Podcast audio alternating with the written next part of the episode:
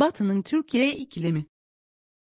Bugünlerde Batı basınında fazlaca yer alıyor. Batılı politikacılar bu konuya ayrıca yer veriyor. Nedir bu Batı'nın Türkiye ikilemi dediği konu?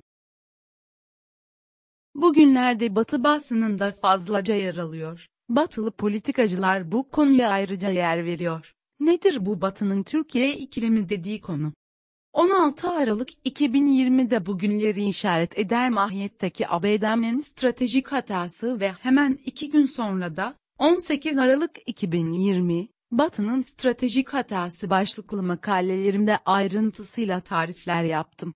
ABD açısından yaptığım değerlendirmenin Türkiye ile ilgili kısmında S-400 konusunu işaret ettim.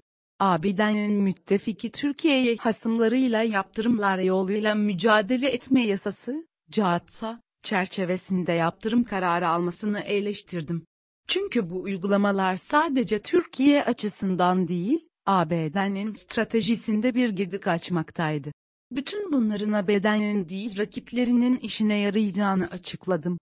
İkilemdeki Batı, ama bunun içinde Avrupa bağlamı daha fazla açıklama getirmekteydi. Şöyle ifade etmiştim. ABD ve AB, Türkiye'yi bu tarz, ötekileştirir mahiyette, yaklaşarak, kendi basit çıkarları için uygulamaya dönük dolaylı bir yöntemi, operatif, kazanım olarak görmektedir.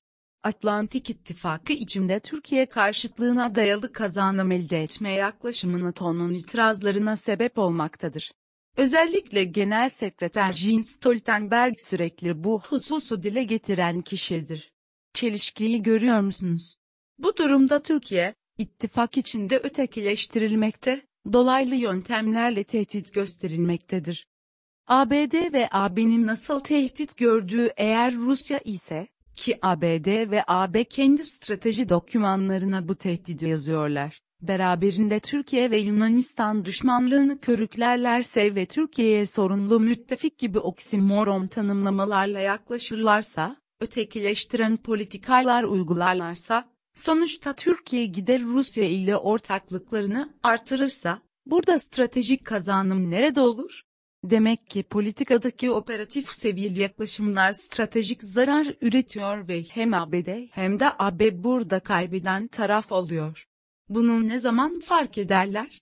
Çok uzun yıllar içinde, zira stratejik seviyenin kapsamı yarım asrı geçer. Türkiye'ye ABD Patriot füze sistemi satmasın, Fransa Samti vermesin veya teknolojisini vermeyem. Eğer kabul edersem fahiş fiyattan vermeyi kabul ederim veya Suriye'yi bölmeme göz yummalısın, desin. Almanya gönderdiği silahları geri çeksin. Ambargolar, yaptırımlar, bir de 2017'de çıkartılan CAATSA, derken bu ülkeler Yunanistan'a hedef olarak Türkiye gösterilsin. Evet, henüz 2020 yılı sonlarındaki durum buydu. Geldik 2023'e, aslen Batı'nın bu yanlış stratejisini konuşmak yerine, onların Türkiye ikilem içinde şeklinde uydurdukları bir konuyu yine kendi kamuoylarına tartıştırıyorlar. Ülkemizdeki bazı kesimler de bunlara katılmıyor değil. Yunanistan için şunları ifade ettim. Bu genç adam, Mitsotakis, Türkiye'yi hedef görüyor ve bunun için silah satın almak istiyor. Buna silahı Amerika, Fransa ve Almanya vermeyi kabul ediyor.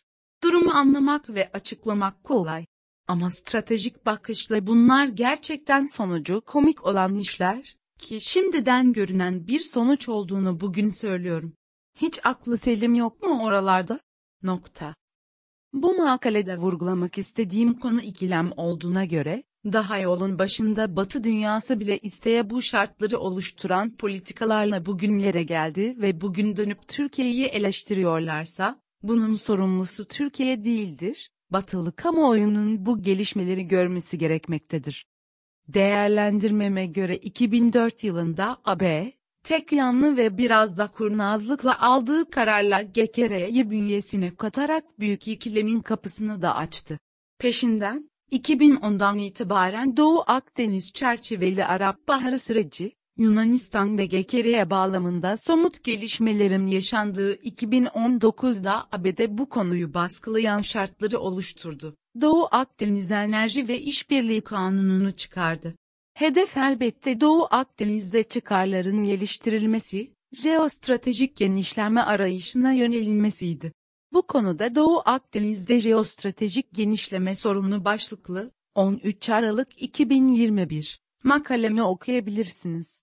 Burada 3 artı 1 formülüyle Yunanistan, GKR'ye, İsrail ve ABD, işletilen süreç var ve Doğu Akdeniz meselesinin içinde İsrail büyük oranda söz sahibidir.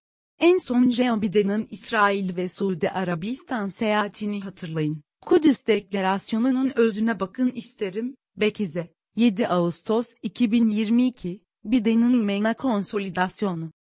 Aslında ikilimin tarifi şöyle, Batı dünyası 2000'li yılların başlangıcından bu yana enerji yönüyle bakir kabul edilebilecek deniz sahasında ve çevresindeki ülkelerde, yani Doğu Akdeniz'de, Türkiye yerine İsrail-Yunanistan işbirliğini esas alarak bir politika değişikliğine yöneldi. Bu kapsamda Batı çıkarlarının geliştirilmesinde Türkiye'nin bir engel ülke olabileceği değerlendirildi ve buna dayalı olarak bugünlere gelindi. Bu süreçte Türkiye neler yaşanmadı ki? Suriye ve PKK terörü meselesinden tuttunuz. 15 Temmuz 2016, hain FETÖ darbe girişimine kadar, gerisinde Batı'nın olduğu pek çok uygulamanın olumsuz etkisini yaşadı. İkilem nerede? Bugüne gelindi ve sanki stratejik değerde önemliymişçesine, Batı'da Türkiye'nin NATO'daki müttefiklik yeri tartıştırılmak isteniyor. Belki bu konu en çok Batı'da yaşayan, siyasi ve ekonomik güçleri alan Ermeni ve Rum kamplarının işine yarar. Ne dersiniz?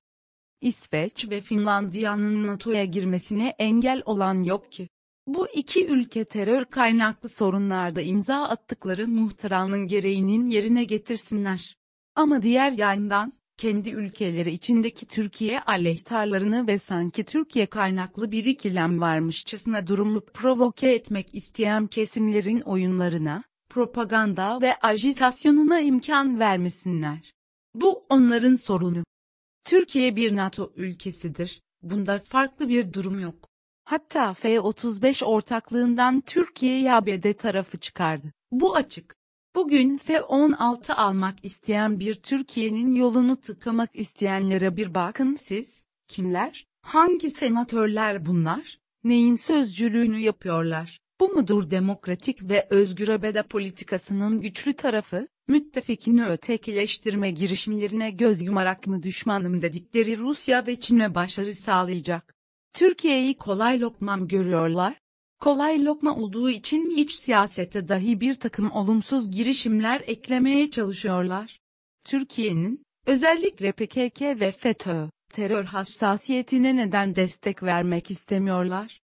Bu planın geliştirilmesinde Türkiye'de yer alan çeşitli politikacılar ve diğer çıkarcılar, bir tür etki ajanı gibi, aslında Batı'nın ekmeğini yağ süren tarzda faaliyetlere yeltendiler. Bunlar diğer taraftan, o fırsatını bekledikleri Rusya ve Çin ile ideolojik ticari kökenli bağlarını geliştirecek türden propagandaya katkı sağladılar. Bütün bunlar geniş çaplı denebilecek istismar alanının doması anlamında değerlendirilmelidir.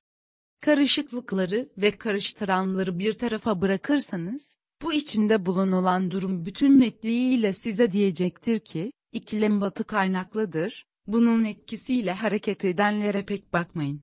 Aklı selim olmak gerekir.